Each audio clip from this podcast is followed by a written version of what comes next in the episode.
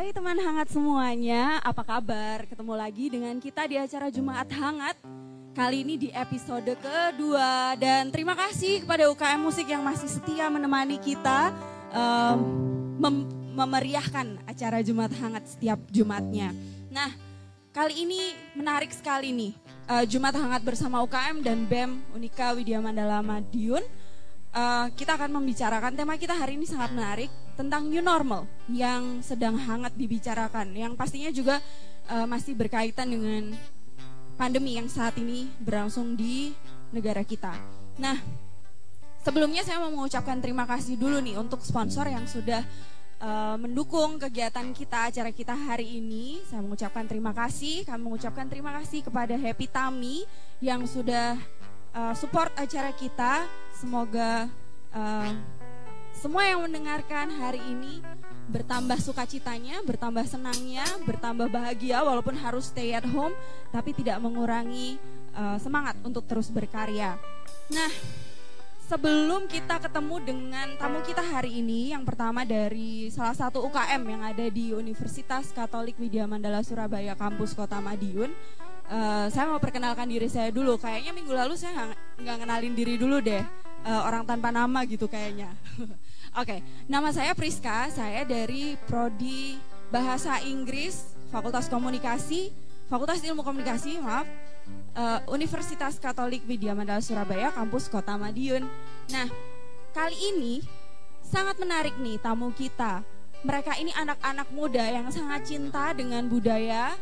Uh, mereka yang masih muda tapi tidak malu untuk uh, belajar dan terus mempelajari budaya. Nah, langsung aja untuk tahu lebih lengkapnya siapa bintang tamu kita pada sore hari ini, Kita lihat dulu video berikut ini. Widya Mandala, Widya Mandala,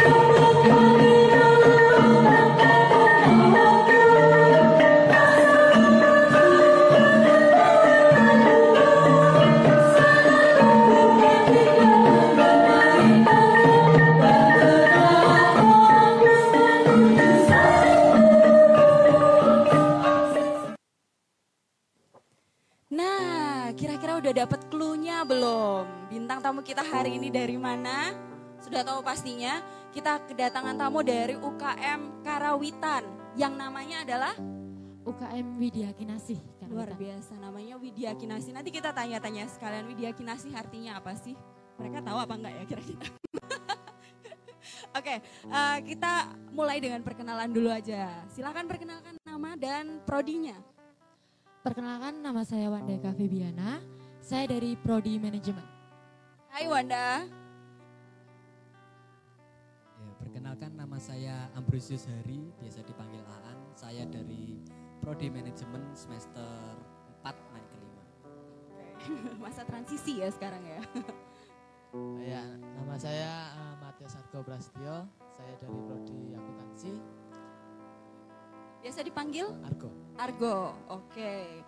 Ada Mas Argo, ada Mas Aan dan Mbak Wanda nih. Hari ini kita mau membahas lebih dalam tentang UKM eh, Karawitan Widya Kinasih yang ada di Universitas Katolik Widya Mandala Surabaya, kampus Kota Madiun. Nah, eh, saya mau tanya dulu nih siapa yang mau ngejelasin di awal. UKM Karawitan itu apa dan bagaimana? Eh, UKM Karawitan dulunya itu masih komunitas. Kita baru jadi UKM itu tahun lalu. Sebelum kita berangkat ke Pos Sarang buat mengiringi Jumat lagi kalau nggak salah. Saya pribadi, walaupun saya muslim, saya juga tetap ikut ke sana dan persiapannya tuh dari teman-teman banyak banget. Waktu itu kita collab sama gereja yang ada di Caruban. Oke, paroki yang ada di Caruban. Iya, Alright. paroki. Terus terus Terus akhirnya kita naik jadi UKM seutuhnya. naik kelas ya. Naik kelas dari komunitas yang belum dilihat gitu kan, akhirnya jadi UKM. Terus kita langsung waktu itu kebetulan dapat pelatih namanya Pak Putut. Pak Putut itu kayak pelatih dalang, pelatih karawitan campur sari kayak kayak gitu kita dapat itu terus kita ikut lomba festival karawitan di kota menarik ya. Iya. Terus jadi terus? kayak cepet gitu terus alhamdulillah kita dapat juara harapan tiga walaupun udah karena kita latihannya bener-bener mepet itu bener-bener mepet sedangkan kita harus menciptakan lagu sendiri waktu itu Oke, jadi nyiptain lagu benar-benar Iya. dari awal gitu. kita dikasih satu lagu wajib habis itu kita diberi harus menciptakan lagu sendiri dengan tema Wow. kota Madiun Luar biasa. Menarik banget ya kalau ngomongin soal karawitan. Biasanya nih stigmanya di masyarakat anak-anak muda itu jarang banget yang mau tahu soal karawitan, soal budaya apalagi karawitan. Katanya susah lah, eh, rempong. Bahkan yang mendengarkan pun anak-anak muda jarang banget ya kan. Kalian kenapa kok tertarik sama UKM karawitan? Eh, kalau saya pribadi dari dari kecil udah mulai dikenalin, mulai pindah ke Jawa sini udah dikenalin kayak budayanya karawitan di tempat tinggal saya udah ada. Jadi setiap hari mulai terbiasa dengan suara-suara seperti itu dan harus mempelajari. Jadi makin gede tuh kayak makin cinta gitu. Yes, asik. Jadi emang udah dari kecil belajarnya ya. Menarik nih. Terus kalau Mas Aan sendiri? Kalau saya sendiri itu saya penasaran. Oke, jadi merasa penasaran ya. Ya, dulunya itu waktu SD itu saya pengen ikut ekskul karawitan, ekskul gamelan di sekolah. Nah, tapi orang tua saya bilang kamu apa bisa? Nah, kan saya mikirnya karena pada waktu itu saya belum terlalu mengenal budaya Jawa. Meskipun saya orang Jawa gitu, saya terla- belum terlalu mengenal budaya Jawa. Akhirnya saya SD, SMP, SMK itu kurang di budaya Jawa. Akhirnya di SMK itu saya dekat sama teman-teman saya, saya mulai belajar budaya Jawa. Lalu di kuliah ini ada komunitas karawitan. Nah, saya baru mulai gabung. Berarti waktu Mas Aan gabung pertama kali eh, statusnya masih komunitas ya? Iya. Betul. Kayaknya kalau nggak salah tahun kemarin ya baru jadi UKM. Iya, Betul benar. ya, luar biasa. Jadi eh, untuk teman hangat semua ketahui nih, nggak semua komunitas yang ada di ah gimana sih maksudnya? Eh, Nggak semua komunitas atau yang tertarik dengan satu bidang tertentu itu langsung diangkat jadi UKM. Kalau UKM itu kayak semacam udah resmi dan diakui di eh, kampus kita sehingga ya untuk segala halnya pasti dapat support yang lebih full. Tapi ini tidak menghentikan semangatnya teman-teman yang ada di komunitas untuk nanti juga jadi UKM. Siapa tahu kalau kalian sungguh-sungguh, pastinya mereka ini sungguh-sungguh, latihannya sungguh-sungguh, lalu tunjukkan prestasinya, lalu eh, ada pengurus yang benar-benar stabil ngurusin UKM-nya sehingga emang benar-benar diakui akhirnya jadi UKM. Betul ya, luar biasa. Terus kalau Mas Argo, namanya bagus banget sih. Eh, untuk saya sih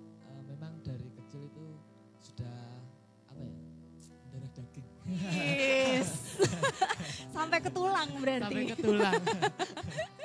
Ah, gimana? Dari kecil itu saya suka seni seni apa pun, Mm-mm. termasuk itu seni tradisional saya suka. Oke. Eh, dari sini mungkin saya mau menjawab pertanyaan mengapa sih anak sekarang anu remaja sekarang itu nggak nggak suka Iya, betul, perkara betul, betul. apa, seni Nah, tradisional Jawa, ya seni tradisional. dari saya pribadi itu melihat eh, anak sekarang itu melihat contoh karawitan aja. Dia itu melihat enak suaranya. Tapi kok dilihat kok susah. Jadi itu yang mak bikin mereka Mundur Patah, duluan iya, gitu ya. Oke. mungkin itu. Kalau masa em, kalian bertiga ini di awal pastinya diawali dengan mendengarkan dulu, lihat-lihat temen Ngelihat ada kesulitan nggak sih sebelum masuk itu? Kayaknya kok sulit atau gimana sih kalian maju mundurnya dulu sebelum masuk ke karawitan? eh, kalau ja- saya pribadi sih semua tingkat gamelan jadi jenis-jenis gamelan kan banyak Kalian ini kita bahas nanti Ya. hari ini nih. Ah. Oke. Karena secara jujur saya sendiri juga nggak apal satu-satu. Tahu ya cuman gong, kenong. Iya. Ya. Eh, terlebih kalau saya pribadi kan eh, contoh saya megang kendang. Dari tingkatan level orang eh, bermain kendang itu kan ada level dasar, menengah, atas. Nah, Wis, kan ada bakar nih, level-levelnya. bakar nih Iya. kita ngobrolnya. bagus, bagus. Iya. Terus? dari awal kalau saya pribadi mungkin tingkat kesulitan itu memang di awal, memang di awal. Tapi kalau kita sudah tahu dasarnya, kita mau ke tingkat ke tengah itu nggak nggak seberapa. Bagi saya itu itu. Effortnya udah Nah, lebih mudah gitu soalnya ya. kita sudah pegang dasarnya. Mm-mm, gitu. Oke. Terus sekalian nih kita obrolin, kalian pegang apa masing-masing? Kalau Argo tadi kan pegang Kendang. ha-ha. Nah kalau saya awal masuk itu gong. Oke. Langsung gong. Saya pikirnya ini Langsung gongnya. saya Kapan mukulnya mukulnya? Iya, ini kapal mukulnya. Iya, Akhirnya awal masuk itu saya mukulnya itu ngeliat pelatih, pelatih gini, saya gong. Seperti itu. Nunggu di kode ya. Iya. ya. Nah setelah itu setelah gong sudah lumayan bisa, saya pindah ke Demung, lalu ke Oke, saya. oke, oke, oke. Demung itu yang kayak apa? Saron itu yang kayak apa? Demung itu biasanya di depan yang duduk, yang ukurannya paling besar di buku. Yang Kan itu ada kue yang- putu itu? Eh beda lagi. yang panjang-panjang. Oh oke. Uh, itu yang kan itu ada yang besar, Mm-mm. lumayan besar sama, Sama yang yang paling kecil. kecil. Nah, yang paling besar itu namanya demung. Oke. Biasanya di depan, terus sampingnya itu saron. Saron tuh yang agak kecil. yang middle, Ya, middle. Ya, yang low. itu namanya peking. Oh, Peking oke. itu dipukulnya dua kali ad- ada beda-beda sih. Mm-mm. Kalau saya pribadi pertama masuk itu saya pegang demung, pindah saron dan sekarang yang paling susah tuh pegang bonang. Bonang itu yang yang panjang kayak pakai mangkok, nada. yang kayak mangkok. oh yang itu, Ah, iya, oke, itu. mangkok kebalik. Iya, makanya itu. Bukannya yang paling susah yang ada nadanya itu kah? Ya itu namanya bonang. Oh oke Ah, baiklah. siap. Baiklah. Alright, kayaknya saya juga perlu belajar Iya. belajar lagi ya dengan kalian. Kalian lebih expert, lebih bagus. Oke, menarik nih. Eh, kalian latihan biasanya hari apa aja? Kalau kita latihan setiap hari Rabu sama Jumat. Kalau Rabu kita ambil jam 1, kalau Jumat kita ambil habis Jumatan biasanya kita jam 2. Luar biasa. Iya. Terus selama ada pandemi ini kan kuliah dialihkan ke online semuanya, semuanya di rumah. Kalian latihan karaoke-nya online juga kah? Kalau ini kelihatannya sangat mustahil ya.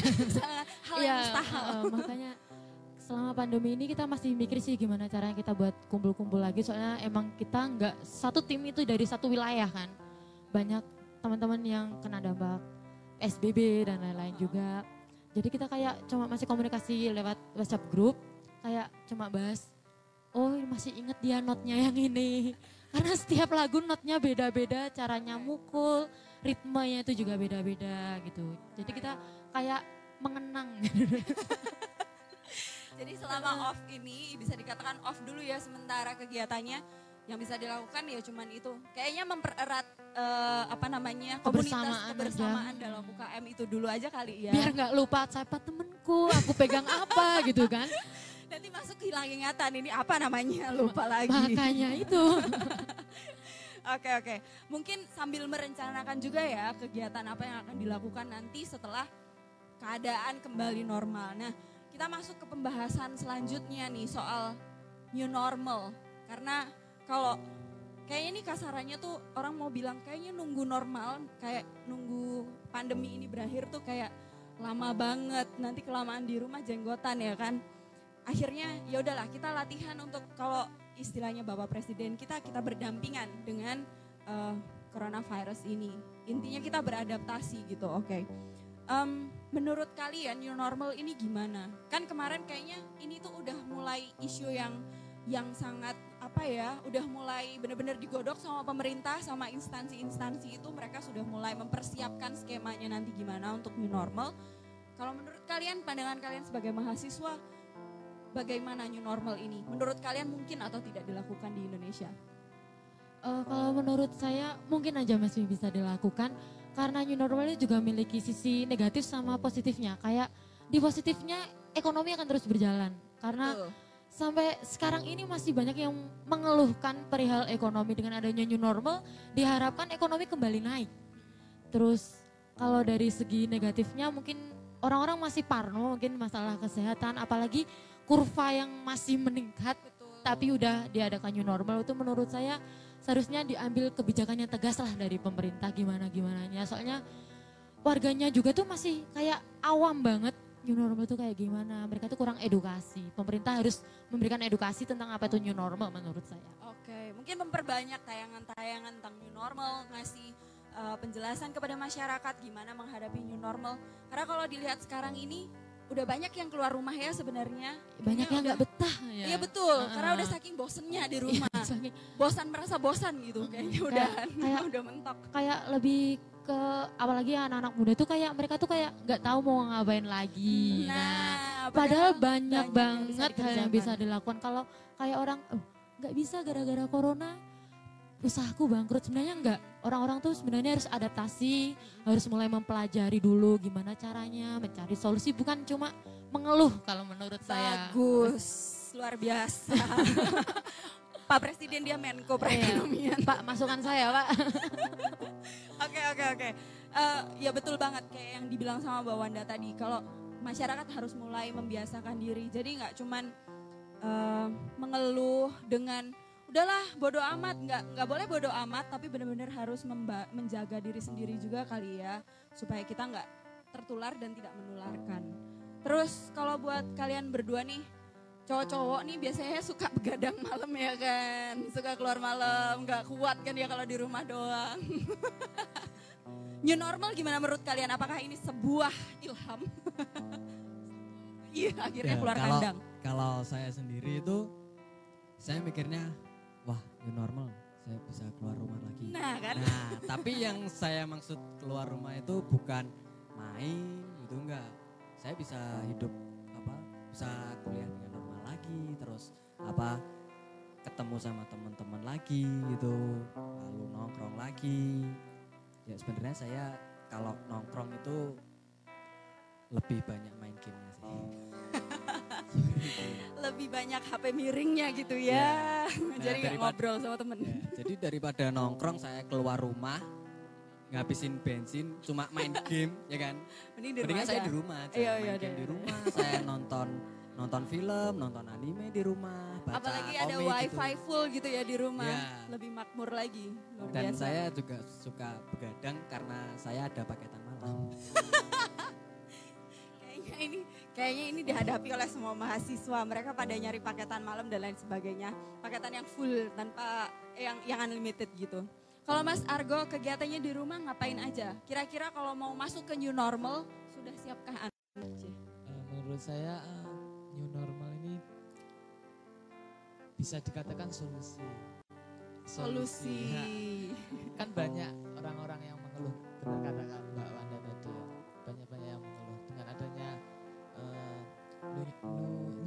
normal ini ah, Iya, ya. mungkin dapat mengatasi kegelisahan masyarakat mungkin mahasiswa juga dari apa yang nggak bisa nongkrong jadi bisa nongkrong Meskipun- Kegelisahan utama kalian itu ya nggak bisa nongkrong Ah, ya, iya, betul. soalnya apalagi anak kos mesti pengen keluar pengen keluar pengen keluar pengen Karena keluar. sekotak itu doang ya hidupnya ya. itu Iya sekamar itu doang sama kamar mandi. Anak kos ya mas ngomong-ngomong. Curhat hati banget. Curahan hati yang jujur. Em, new normal kayaknya bisa dikatakan mungkin ya. Kalau menurut kalian mungkin terjadi di bangsa kita di Indonesia. Asalkan dengan catatan itu tadi harus protokol ya, tetap kesehatannya. mengikuti protokol kesehatan dan masih mengikuti pembatasan pembatasan. Oke oke oke. Jadi kalau kalau menurut orang-orang di luar sana mungkin new normal ini solusi karena mereka akhirnya bisa cari uang lagi dengan leluasa, cari rejeki lagi dengan cara yang seperti biasanya. Tapi kalau buat mahasiswa akhirnya mereka bisa berkegiatan lagi, nongkrong seperti biasanya. Bisa nongkrong dengan asik seperti biasanya tanpa harus membatasi diri. Tapi ya itu tadi karena new normal ini rasanya kayak kewajibannya itu dilemparkan ke kita masyarakat. Kalau Iya, kalian betul. bisa nggak sih ngatasin ini? Eh, kalian bisa nggak sih mengontrol diri sendiri gitu kan ya? sebagai mahasiswa kalian juga pastinya harus ngasih teladan yang positif betul kan ya Eh, dengan tetap men- apa namanya menerapkan protokol kesehatan pakai masker hari ini kita nggak pakai Eh, sebenarnya pakai kok ada ada ada tas, tas. ya oke oke oke ini demi konten Eh, menjaga jarak, physical distancing, cuci tangan pakai sabun dan gak usah heboh lagi pakai apa yang namanya hand sanitizer, Sanitizer. karena itu emang bener-bener less efektif kalau dibandingkan sama cuci tangan pakai sabun betul. Terus eh, tetap menjaga kebersihan, makan makanan sehat, bergizi, betul kan ya. Olahraga di rumah, kalian olahraga nggak di rumah? Tidak. Olahraga dong. Olahraga. Olahraga apa? Di kasur. Nah kan, curiga nih aku. oh, lebih ke mencuci ya, oke. Ya baik baik. Eh, apa namanya kegiatan olahraganya dialihkan ke kegiatan-kegiatan rumah tangga gitu. Oke baik. Nah menarik nih pembahasan kita kali ini. Terima kasih sekali. Kalian ada pesan-pesan nggak sebagai generasi muda, sebagai eh, anak-anak muda, sebagai mahasiswa? Kalian pesannya untuk anak-anak muda yang di luar sana apa? Menghadapi new normal ini. Ya kalau pesan saya untuk teman-teman mahasiswa yang seumuran saya, teman-teman anak-anak muda, saat new normal, new normal ini nanti diadakan, kita harus bisa mengikuti semua protokol kesehatan, mengikuti semua protokol pemerintah agar negara ini benar-benar normal kembali. Sip, bagus bagus. Yang lain Eh, kalau dari saya pribadi, teman-teman boleh bahagia bisa keluar, tapi tolong tapi tolong benar-benar dibatasi karena kita nggak mau ini makin terpuruk jadi lebih parah. Kita semua berharap semoga ini segera selesai. Nah, dari harapan itu kita juga harus berjalan. Kita harus mematuhi semuanya, nggak bisa kita cuma ngomong, cuma berkeluh kesah, terus kita berharap, terus itu nggak bisa kalau tanpa perlakuannya benar. Kayak semacam harapan tanpa tindakan tuh kosong gitu Iya, ya. kayak, Nol. nggak aduh. Berharap tapi nggak bertindak ya Iya, kan? makanya itu karena teman-teman banyaknya, aduh nggak bisa gini, aduh bosan, tapi mereka tidak ada melakukan eh, nggak melakukan sesuatu buat melakukan perubahan dan cepat selesai itu. Oke, Mas Argo, ada yang mau ditambahkan? Udah, idem. Iya. Kalau dari anak muda nih, eh, anak muda yang biasanya darah mudanya bergejolak, denger new normal pasti asik bisa nongkrong lagi, angkringan sebelah udah bisa diramein lagi. Tapi tetap ingat kita harus kontrol diri, kita harus tetap jaga diri, jangan mentang-mentang masih muda dan imunnya lebih kuat, terus kita abaikan segala protokol kesehatan. Iya betul. Jadi harus tetap kontrol diri. Eh, jangan lupa untuk terus patuhi protokol kesehatan yang ditetapkan pemerintah. Kesehatan, makanan bergizi, olahraga dan lain sebagainya. Pokoknya mulai ubah gaya hidup kita yang tadinya nggak sehat jadi lebih sehat gitu ya. Kurang-kurangin deh nongkrong malam sampai tengah malam, oke? Iya betul. Nah terima kasih sekali nih UKM Karawitan Widya Kinasi yang sudah menemani ngobrol-ngobrol santai kita di Jumat Hangat eh, kali ini. Nanti kita akan punya narasumber yang lebih asik lagi yang juga menarik lagi setelah ini. Tapi sebelumnya kita mau lihat dulu nih eh, sponsor kita, pendukung acara kita hari ini.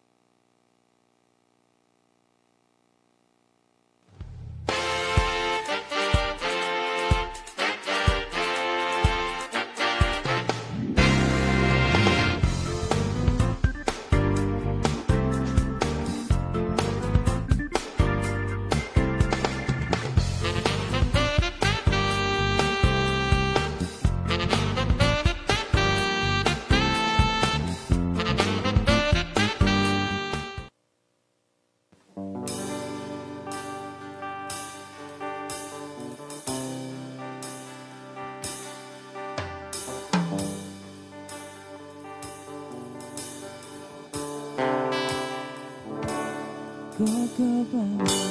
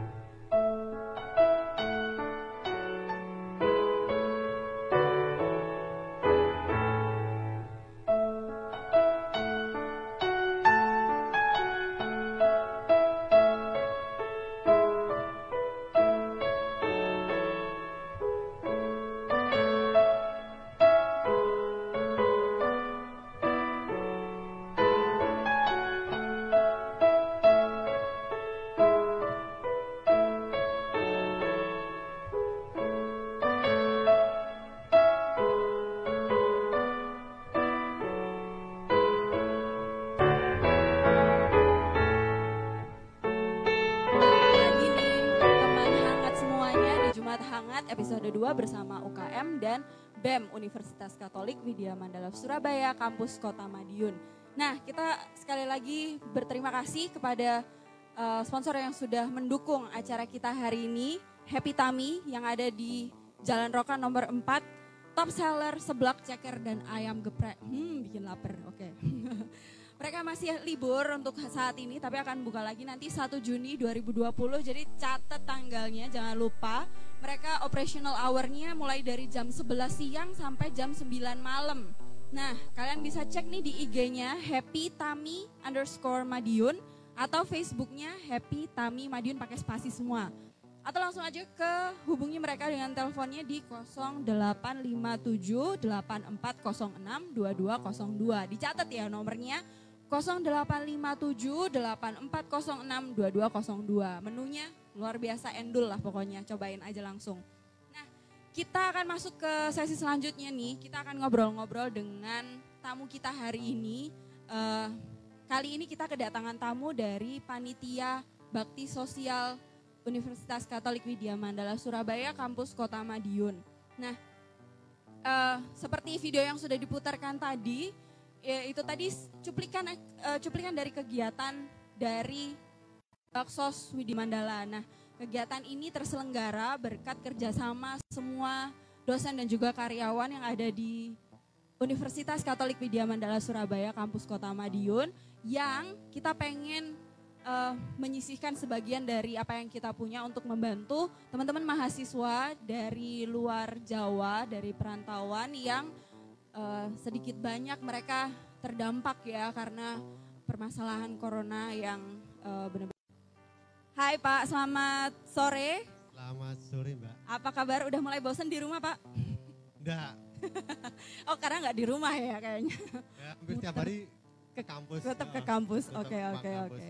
Nah, eh, tadi kan kita udah lihat sama-sama nih VT-nya eh, kegiatan Bakso Wima yang berlangsung tanggal 27 kemarin, betul? Betul. Oke. Eh, bisa diceritakan ini kegiatan apa dan bagaimana bermulanya, apa sasaran tujuannya? Eh, jadi kebetulan sekali eh, saya ditunjuk oleh Ibu Wakil Rektor untuk mengkoordinir pembagian sembako untuk mahasiswa rantau yang ada yang masih yang masih tinggal di eh, kos-kosan. Jadi eh, donasinya dari teman-teman dosen, karyawan dan juga alumni. Kemarin kita Iya, dapat ada alumni juga. dari alumni IKA jadi Ikatan Alumni Bimbingan Konseling Oke. itu menyumbangkan eh, sembako, eh, beras dengan mie instan.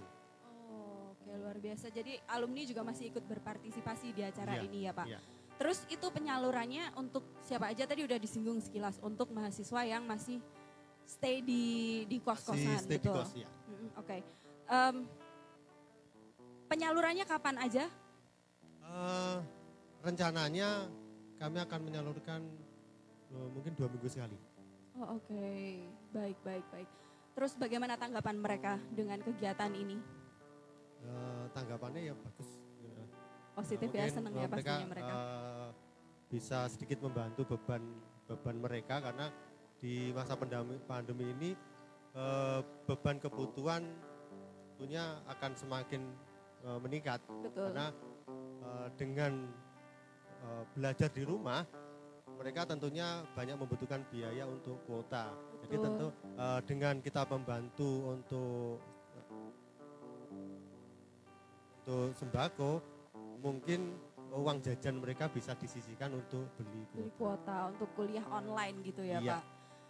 Baik, memang kalau kita bayangkan sama-sama mereka yang eh kita yang masih tinggal dengan orang tua, mahasiswa yang masih tinggal dengan orang tua aja kadang masih merasa sedikit kesulitan mungkin karena orang tuanya terdampak karena pekerjaannya. Apalagi mahasiswa yang tinggal jauh dari orang tuanya, kemudian mereka hidup benar-benar mengandalkan hanya kiriman dari orang tua. Kalau kiriman orang tuanya macet karena pandemi ini memang ya susah mereka karena jauh dari mana-mana mau minta tolong juga ke mana ya kan Pak. Jadi saya apresiasi sekali, kita apresiasi eh, sekali kegiatan ini, kegiatan Wima eh, Baksos Wima ini karena sungguh paling tidak kita berusaha untuk membantu meringankan beban teman-teman mahasiswa yang eh, masih harus stay di kos. Nah, em, selanjutnya nih kita mau ngebahas juga tentang new normal yang yang sama. Tadi kalau tadi dari pandangannya mahasiswa, sekarang dari pandangannya para pekerja nih menurut Bapak tadi belum perkenalkan dirinya. Saya cuma nyebutin Bapaknya Ketua Panitia Bakti Sosial Universitas Katolik Widya Mandala Surabaya, kampus Kota Madiun namanya Pak. Baik, eh, saya Hari Bintang Tono, sehari-hari di Widya Mandala Surabaya Kampus Madiun di bagian laboratorium komputer. Oke, jadi kayaknya laboratorium komputer yang mensupport online learning ini ada di tangan beliau semuanya. Ya, jadi eh, se- apa, biasanya saya di belakang layar. Jadi hampir dua bulan ini saya di belakang layar untuk mensupport eh, kegiatan-kegiatan eh, live streaming ini. Oke, luar biasa. Pak, menurut Bapak nih, kan kemarin Bapak ngurusin eh, apa namanya online streaming untuk perkuliahan dan untuk learningnya mahasiswa dan juga dosen tetap berlangsung. Nah, kalau untuk nanti peralihan ke new normal, kira-kira menurut Bapak apa saja yang diperlukan untuk beralih ke new normal? Sebenarnya harapan kami eh, segera berakhir ya ini ya. Karena Betul. eh, sebenarnya dengan keadaan ini kita sudah capek.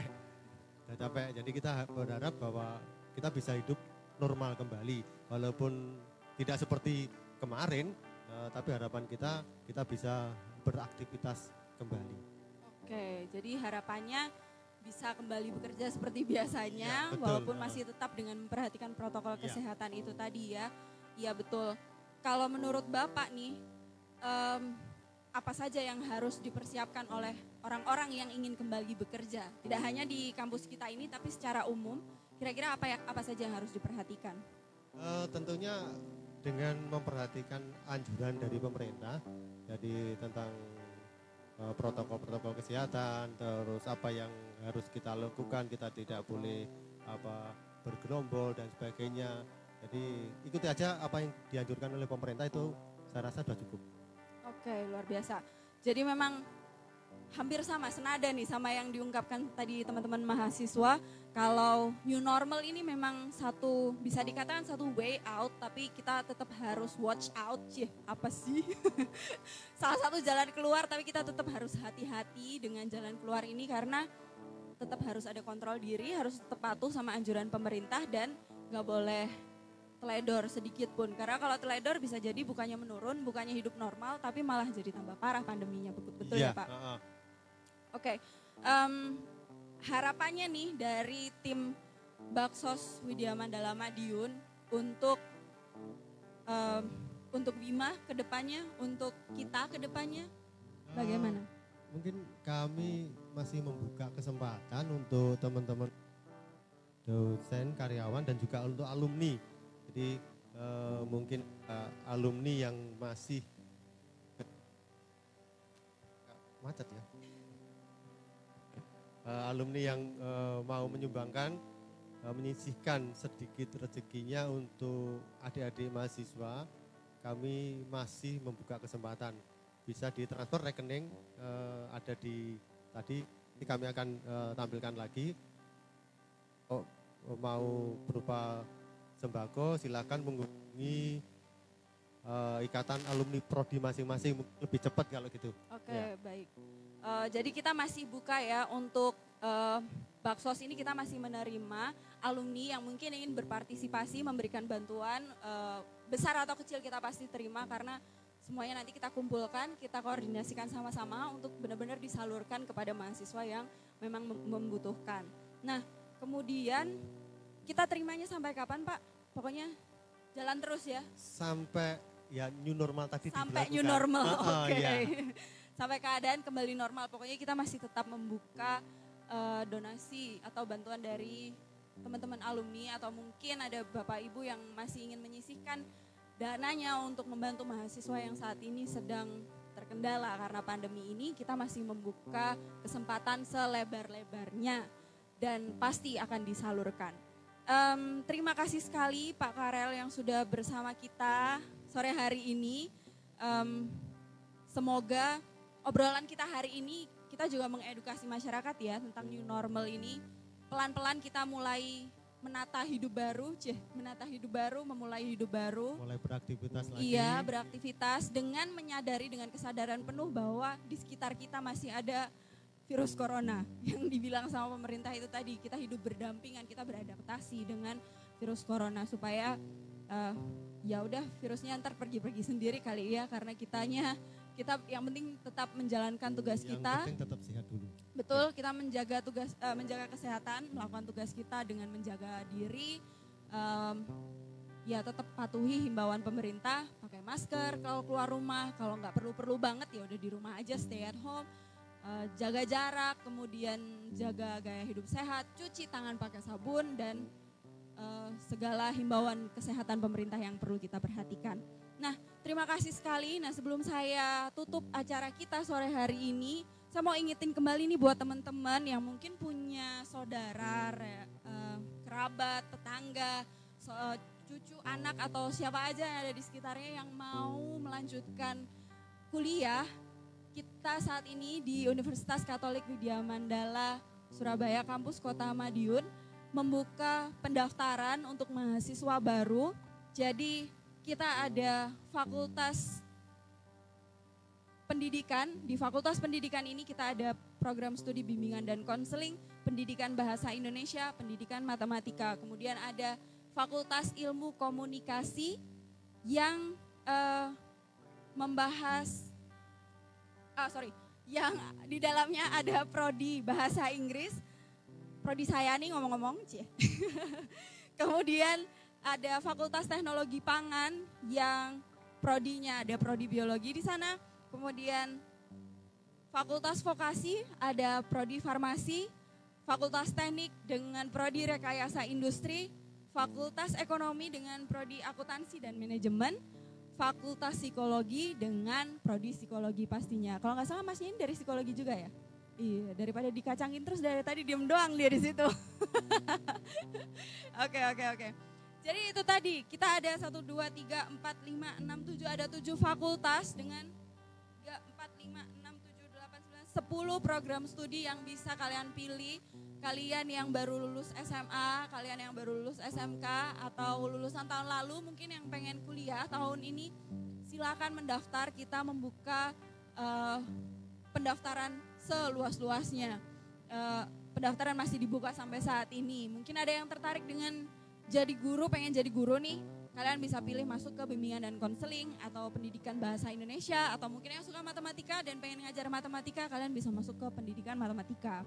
Atau kalau mungkin kalian tertarik pengen jadi gimana sih caranya bisa berkomunikasi dengan baik, gimana caranya jadi public speaker yang baik, kalian bisa belajar komunikasi sekaligus belajar bahasa Inggrisnya di prodi bahasa Inggris Fakultas Ilmu Komunikasi. Kemudian kalau kalian misalnya tertarik dengan sains nih, kalian bisa gabung dengan program studi biologi Fakultas Teknologi Pangan atau di prodi farmasi. Kalau kalian pengen nanti keluar sebagai seorang apoteker farmasis, kalian bisa masuk ke prodi farmasi un- di Fakultas Vokasi. Kemudian kalau kalian tertarik untuk masuk ke dunia industri, bidang industri, kalian bisa langsung join aja dengan rekayasa industri dari pro- eh, Fakultas Teknik.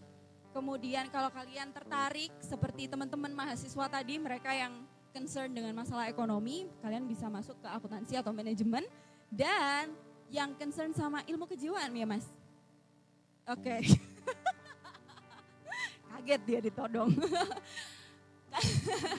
kalian bisa langsung gabung aja ke prodi psikologi, psikologi ya teman-teman.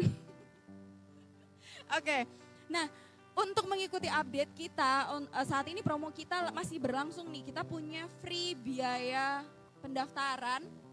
Kalian bisa eh, langsung masuk aja ke link pendaftarannya bit.ly slash PMB UKWMS Madiun. Nah nanti di situ kalian akan diminta untuk ngisi upload struk eh, pendaftaran, tapi kalian tinggal upload aja eh, flyer promo kita, nanti kalian udah langsung dapat free biaya pendaftarannya. Oke, kapan lagi? Manfaatkan kesempatannya sekarang juga. Kemudian kalau kalian mau tahu info-info seputar Widya Mandala Surabaya Kampus Kota Madiun, kalian bisa langsung ikuti aja, follow aja Facebook fanpage-nya di Universitas Katolik Widya Mandala Surabaya Kampus Madiun. Atau kalian yang sukanya browsing Instagram nih, suka post-post foto di Instagram, kalian bisa langsung join ke at atau at Widya Mandala Kampus Madiun. Untuk YouTube-nya kayak yang hari ini kita lagi live dan untuk kesempatan-kesempatan yang akan datang kalian langsung aja subscribe dan like di Wima TV channel dan ikuti setiap update-nya. Loncengnya dinyalakan jangan lupa supaya kalian tahu update terbaru dari kita. Kemudian podcast Spotify-nya kalian bisa langsung join di WM Madiun atau Widya Mandala Madiun. Dan untuk informasi yang paling lengkap, paling komplit, paling terbaru, kalian bisa langsung cek aja di website kita www.widyamandala.ac.id. Kalian bisa tahu info pendaftaran di sana, info beasiswa, kemudian ada info eh, kegiatan mahasiswa, prodinya apa aja, fakultasnya apa aja, info lengkapnya semuanya ada di website kita. Kalau kalian mau chat langsung, kalian bisa hubungi juga nomor-nomor yang tertera di website secara langsung. Mungkin mau langsung ke eh, pendaftarannya atau mau nanya-nanya ke prodi pr- masing-masing, silahkan. Kita masih membuka peluang seluas-luasnya. Jadi jangan lewatkan dengan follow em, sosial media kita itu tadi ya yang udah kita sebutkan. Baik, kita sudah sampai di penghujung acara nih Mas Gitaris yang dari tadi kagetan karena saya tanyain secara mendadak. Eh, kita ucapkan terima kasih sekali lagi kepada Happy Tami yang sudah mendukung acara kita sore hari ini. Terima kasih juga kepada semua teman-teman yang sudah eh, meluangkan waktunya untuk nonton kita dan juga kepada semua kru yang bertugas. Teman-teman dari UKM Karawitan Widya Kinasi, UKM Musik, dan juga dari panitia Baksos Widya Mandala Surabaya Kampus Kota Madiun kita ucapkan terima kasih sebesar-besarnya dan untuk teman-teman semuanya jangan lupa kita ada kegiatan yang juga menarik nanti di eh, memperingati Hari Kesaktian Pancasila tanggal 1 Juni nanti kan kita akan ada eh, sarasehan menyambut Hari Kelahiran Pancasila. Beker- eh, ini hasil kerjasama antara Wima TV Channel dengan Paroki Mater Dei Madiun. Jadi jangan lewatkan nanti kita akan ada narasumber-narasumber yang benar-benar menarik dan akan memperkaya wawasan kita tentang Pancasila, membuat kita lebih cinta lagi sama Pancasila, lebih cinta lagi dengan bangsa kita pastinya. So, untuk mengakhiri acara kita malam hari ini pesan eh, sore hari ini, malam aja udahan. Saya ingatkan sekali lagi teman-teman semuanya, teman hangat semuanya yang ada di rumah, stay at home aja. Kalau nggak ada acara penting, nggak penting banget, nggak usah keluar rumah. Kalaupun harus keluar rumah, jangan lupa pakai masker, jaga jarak, dan jangan lupa cuci tangan, rajin-rajin cuci tangan nih. Habis pegang apa pun cuci tangan, pegang duit cuci tangan, pegang gagang pintu cuci tangan, habis ketemu temennya cuci tangan, ketemu mantan cuci tangan aja. Eh, cuci tangan pakai sabun dan eh, hindari kontak dulu. Kita kita jaga diri kita, kita jaga kesehatan kita supaya kita semua terhindar dari corona dan menyambut eh, new normal nanti kita semua optimis, kita bisa, kita sama-sama menjalani ini semua, kita harus semangat dan eh, kita bisa kembali ke keadaan normal lagi asalkan kita tetap menjaga protokol kesehatan, kita tetap patuhi himbauan pemerintah. Oke, jadi jangan sampai ketinggalan acara-acara kita, jangan lupa subscribe eh, YouTube di Wima TV channel dan ikuti semua update-nya. Kalau perlu ikutin semua fanpage dan juga sosial media kita supaya tahu info-info terkini, oke? Eh, jangan lupa kita ketemu lagi minggu depan, ketemu lagi juga di agenda kita 1 Juni nanti dengan narasumber yang menarik dan kita akan saksikan yang satu ini terlebih dahulu sebelum kita menutup acara kita dari yang akan ditutup nanti oleh UKM Musik. So, eh, sampai jumpa lagi minggu depan. Bye-bye.